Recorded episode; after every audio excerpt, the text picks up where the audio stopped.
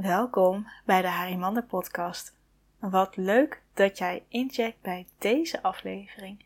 Dit is eigenlijk een gevolg op de vorige aflevering. De vorige aflevering over wat voor advies je jezelf zou kunnen geven. Eigenlijk als je zou kijken naar wat je zou zeggen tegen een dierbare vriendin. En vandaag wil ik nog een dagje dieper gaan. Want dat was heel erg wat zou je zeggen tegen een volwassene? Wat zou je zeggen tegen ja, een, een, een lieve vriendin? Wat eigenlijk die in een vergelijkbare situatie staat als jou. Wat, voor, uh, wat zou jij daarin ook eigenlijk nodig hebben? Wat heb jij, kan jij jezelf geven? Maar het interessante is, het laagje dieper, is wat gaat er eigenlijk eronder? Wat zou je tegen een kind zeggen? En dat kwam heel erg naar voren vandaag in het gesprek die ik had. Er was een situatie dat uh, zij een, schetste van: oké, ik probeer het even oppervlakkig te houden om, vanwege privacy, maar dat ze zei: ik rationeel. Snap ik het, is er, uh, kan ik erbij, kan ik het loslaten, kan, nou, kan ik kan ik, heb ik er vrede mee, weet ik dat uh, statistisch dat het goed is, uh, weet ik dat er risico's zijn, maar dat die klein zijn, ehm, maar toch kan ik het niet loslaten. En toen vroeg ik ook van wat zit er onder? En ik wist het eigenlijk al wel. Maar ik wou het gewoon dat zij het noemde. Angst. Er zit angst onder. Wat als het misgaat? En dat was echt diepe angst onder. En dat ik eigenlijk zoiets had van, nou ja, ik kan helemaal daarin meevoelen. En, en ik heb zelf de, de ervaring die zij heeft in een bepaalde mate ook meegemaakt. Dus ik kan daar helemaal bij, maar daar ging ik niet heen. Want wat ik heel erg merkte was, ja, rationeel nu snap je met je fatsoen, oké, het is spannend, maar statistisch valt mee. Morgen zijn de stappen. Het is even nu volhouden. Morgen is dan minder. En dat ik zei, maar wat zou je tegen een kind zeggen die in dezelfde situatie zou zitten? Wat zou je tegen een kind zeggen die deze situatie krijgt en het eigenlijk doodsangstig is? Zou je tegen die zeggen, ja, statistisch, en het is maar één dagje, en ik, ik maak het in het gesprek flapte ik er ook gewoon weer uit, want dan ben ik soms ook echt een flap uit. Ja, zou je je kind in de keukenkastje stoppen? En denken, doe licht, dan ben je er even niet, dan hoor ik je niet, dan is het er niet, dan kan ik door met mijn leven. Want ik heb geen ruimte en geen tijd en geen energie om jou te helpen en aan te horen, want we kunnen gewoon niet. Het is gewoon even volhouden. Het is, wacht maar een dagje. Dat is het probleem morgen opgelost. Nee. Denk je dat dat kind lekker stilletjes daar in de keukenkastje gaat zetten? No way. Die gaat lopen krijsen. En was ik laten horen dat hij ongelukkig is, ongezien, angstig is, doodsangst. Wat heeft dat kind nodig? Wat zou je dat kind kunnen geven die zo bang is? Ik zei al, daar krijg je slapeloze nachten van. Want die gaat echt wat keer. Wat heeft dat kind nodig? Ja, natuurlijk wil ik dat het angst weggenomen wordt, dat het er niet meer is en dat het niet bestaat en dat het nooit zou gebeuren. Maar dat, dat is niet de wereld. Er zijn minder mooie, fijne momenten in het leven. Wat zou je dan tegen een kind zeggen? En wat kan je dus eigenlijk naar jezelf zeggen en geven? En dat ik zoiets had van ja, wat heeft dat kind nodig? Dat je even zijn hand vasthoudt. Of een knuffel geeft. Liefde geeft. En troost. Of alleen maar laat zijn van ja, het is spannend. En het tranen dept. Dan in plaats van dat je het wegduwt, opsluit, het er niet mag wezen, mag het er zijn. En je hebt geen oplossing. Want die is op dat moment even niet. Het is gewoon die rauwe gevoel wat opkomt omdat een situatie triggerend is, omdat de situatie niet fijn is en het gewoon beangstigd is. En een bepaalde mate zelfs gevaarlijk. Maar wat kan je dan voor jezelf op dat moment doen om voor jezelf te zorgen? En natuurlijk kan je het in een keukenkastje plakken. En denk ik, doe het net of je er niet bent. Gewoon kop in de zand steken. Even volhouden. Het is maar tijdelijk. Maar ja, ga je wel bij jezelf vandaan. En als dat als hulpmiddel echt even nodig is, doe dat. Weet je, ik hou ook marathons van Netflix als ik het even niet zie zitten. Niet helemaal waar. dat doe ik niet meer zoals vroeger. Maar ik heb ook dat als ik het even zwaarder heb, dat ik ook gewoon bewuster daarvoor kies. En dat was zelfs, leven nu, dinsdag, gisteren, maandagochtend, dat ik er ook bewust nog even voor heb gekozen. En zelfs dat mijn vriend naar beneden kwam en we hebben nu even een maandje HBO. En dan zegt van, heb je die film gekeken? En je bent nu dit aan het kijken. Heb je zoveel gekeken? Ik zeg, ja. Ik ben overprikkeld. En ik was even moe van. Ik ben even klaar mee. En ik wil even een momentje stilte. En niet dat het echt dan stil is. Maar het even een trooster. En dat ik bewust korte duur ervoor koos om ja, een vermijdingsgedrag, een kopingsmechanisme in te zetten. En nog steeds was ik er wel voor dat kind stil. En dan zei ik van, het is logisch, je bent overprikkeld geraakt. We hebben ook te veel gedaan dit weekend. En ja, begrijpelijk dat je tegenop ziet dat we vandaag deze activiteit nog hebben. Wat heb jij nodig? Oké, meer rust, meer ruimte, meer, meer simpelheid. Prima. Dus toen wij gingen hardlopen, en meestal is dat dan dat Dirk met mijn vriend hardloopt en ik mee fiets. En heel gezellig met een muziekje aan en hebben we gewoon echt toffe tijd.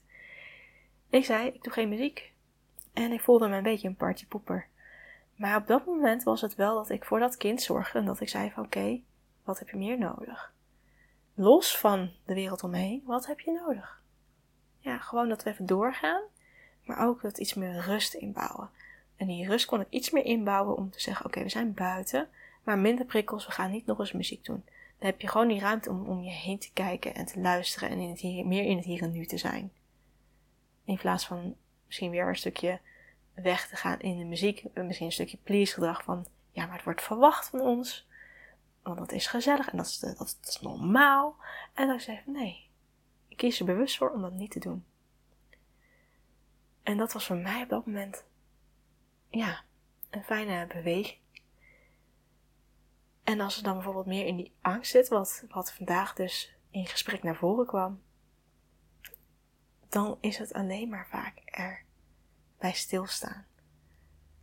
En dat hoeft dan maar eventjes. En dat was ook fijn in dat gesprek dat, we ook, dat, ze, dat ze zei van, ik weet ook niet of ik er veel langer over wil hebben. Ik wil, dat, ik wil dat het besproken is. En dan ben ik daarna ook klaar mee. En ik zeg, dan is het helemaal goed, want ze heeft het nu kunnen delen, het even kunnen aankijken, ervoor kunnen zijn en gerealiseerd van oké, ik wil het niet zomaar alleen maar wegstoppen. En het gewoon een ogenblikje de ruimte te geven. Om vervolgens het dan weer even weer te zeggen: Oké, en nu ga ik door met wat er allemaal is. Want er is best wel wat hectiek in het dagelijks leven bij haar. En dat is helemaal oké.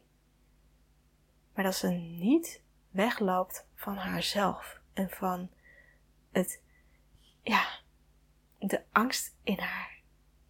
En dat vond ik zo fijn, dat ze zich zo kwetsbaar durfde op te staan om te zeggen van dit speelt er. En dat ze de ruimte nam om te zeggen oké, te onderzoeken wat zit er nog meer onder. Want het is niet simpel de, de situatie. Wat is wat er zit eronder. En dat was op dat moment de angst. Dus voor jezelf, als jij in een situatie zit dat je ja, met je hoofd eigenlijk ziet van, ja, maar het valt eigenlijk wel mee. En we kunnen het gewoon door. En waarom overvalt me dit zo? Of waar heb ik hier last van? Het is toch een beetje overdreven? Dan kan het zijn dat het heel erg op het, op het oppervlakte in het hier en nu rationeel oké zou moeten zijn. Maar dat er intern, energetisch, iets getriggerd wordt. Dat er iets meer uit balans is. En dat er misschien een kindsdeel in jou eigenlijk even een signaaltje geeft van: Ik vind het niet fijn. Wil jij er voor mij zijn? Want ik ben bang. Of ik, ik voel me niet zo goed. En het zijn soms hele kleine, simpele dingen. En oh, er komt nu ook weer zo iets in mij op. En dat is iets wat zoveel impact op mij heeft gemaakt. Als kind zijnde. En dat was dat ik ziek was. En mijn moeder was er niet thuis. En mijn stiefvader was er toen wel. En die waren, waren pas net getrouwd. Dus het was nog een vrij. Uh, ja, het was een hele fijne uh, man. En op dat moment is bij mij een knopje omgegaan. Hij is vaderfiguur voor mij. Wat was er? Ik was dus ziek, ik moest overgeven en hij was daar om mijn haar vast te houden en mijn rug te strelen. Het gaat nergens over. Maar het tegenovergestelde gevoel had ik bij mijn vader. Het feit dat ik het kon loslaten, dat ik het gewoon mocht zijn, dat ik ziek mocht zijn, dat ik gesteund werd, dat iemand mij mijn rug aaide om mij te kalmeren, om er bij me te zijn. Want hij kon niet oplossen. Hij kon niet wegnemen. Hij kon me niet helpen. Maar het enige op dat moment wat mij echt hielp, was dat ik er niet alleen voor was. En dat er een stukje liefde voelbaar was. En dat was die handuitreiking over mijn rug van het komt goed. Ik ben er voor je. Ik hou je haar vast. Laat maar los. En het zijn zulke kleine dingen die je ook jezelf kan geven. En die je ook naar jezelf kan geven als jij er even vast komt te zitten in iets wat triggert, iets wat een zware emotionele reactie opgeeft. En, en, ja, ik zit nu in angst, maar het kan ook heel iets anders zijn. Het kan ook iets met verdriet zijn of met boosheid. Hoe zou je dan reageren? Dan ga je ook niet rationeel tegen je zeggen, ja, maar dat. Nee, dan is het ook van, laat het maar even zijn. Je hebt recht om even zo boos te worden. Ik snap het. Maar als je het grotere plaatje ziet, dan is het misschien anders. Maar die emotie op dat moment is heel erg intern getriggerd. En er zit misschien ook weer iets onder. Want boosheid zit vaak, is een toplaag. Vaak zit er ook angst onder. Ja. En om daar dan even ruimte voor te kunnen maken. Het even een momentje te kunnen aankijken. Is al zo helend. Eigenlijk hoef je bijna niks te doen. Alleen maar te erkennen dat het er is. En in plaats van dat je dan denkt van ja, maar ik zie het, het is vervelend. Oh, wat vervelend is het toch. Oh, die, die neemt bezit van een bepaald deel. Ik moet gewoon door met mijn werkdag. Ik, mijn leven gaat gewoon door. Ik heb een hele volle agenda. Ik heb geen tijd voor die bullshit op een bepaalde manier. Voor die ellende die niet helemaal terecht is, maar wel logisch is dat dat nu is. Huh, gedoe. Geen zin in. Geen tijd voor, geen ruimte. Dan erken je wel dat het er is, maar er zit er een heel erg een oordeel op. En dat is veel anders dan dat je er liefdevol naar kan kijken en zeggen van, ik begrijp het. Ik snap waar het vandaan komt. En misschien snap je het niet, dan is het alleen maar van, ik zie dat het er is. En gewoon helemaal in het hier en nu, het is er. Dankjewel dat je dit laat weten. Want rationeel kijk ik er anders tegenaan. En dat is dat al een heel stapje meer heling en rust en ruimte en voor jezelf zien en er zijn voor jezelf. En dat is dan denk ik hetgene wat nodig is. Oh, er gaat nu zo een soort van trigger in mij af van dit is de podcast die ik net had moeten opgeven. Mijn vorige aflevering, die heb ik uh, ja, een kwartier geleden hiervoor opgenomen. Er gaat dus nu een perfectionistisch deel in mij af. Die vindt dat die vorige aflevering niet goed genoeg is. Omdat ik veel intrinsieker en authentieker hier nu weet te spreken. En die andere was veel meer rationeel hoofd. Nou. Wij zijn niet perfect, we zijn maar mensen. En dit is ook een proces. En dit is ook het leven. Dit hoort er ook bij. Dus dan ben je nu, op dit moment, getuige hoe dat ook gewoon bij mij is. En hoe dat bij mij ook speelt. En dan is wat ik voor mezelf nu kan zeggen: het is een learning curve. En perfect bestaat niet. Het is het, de weg er naartoe.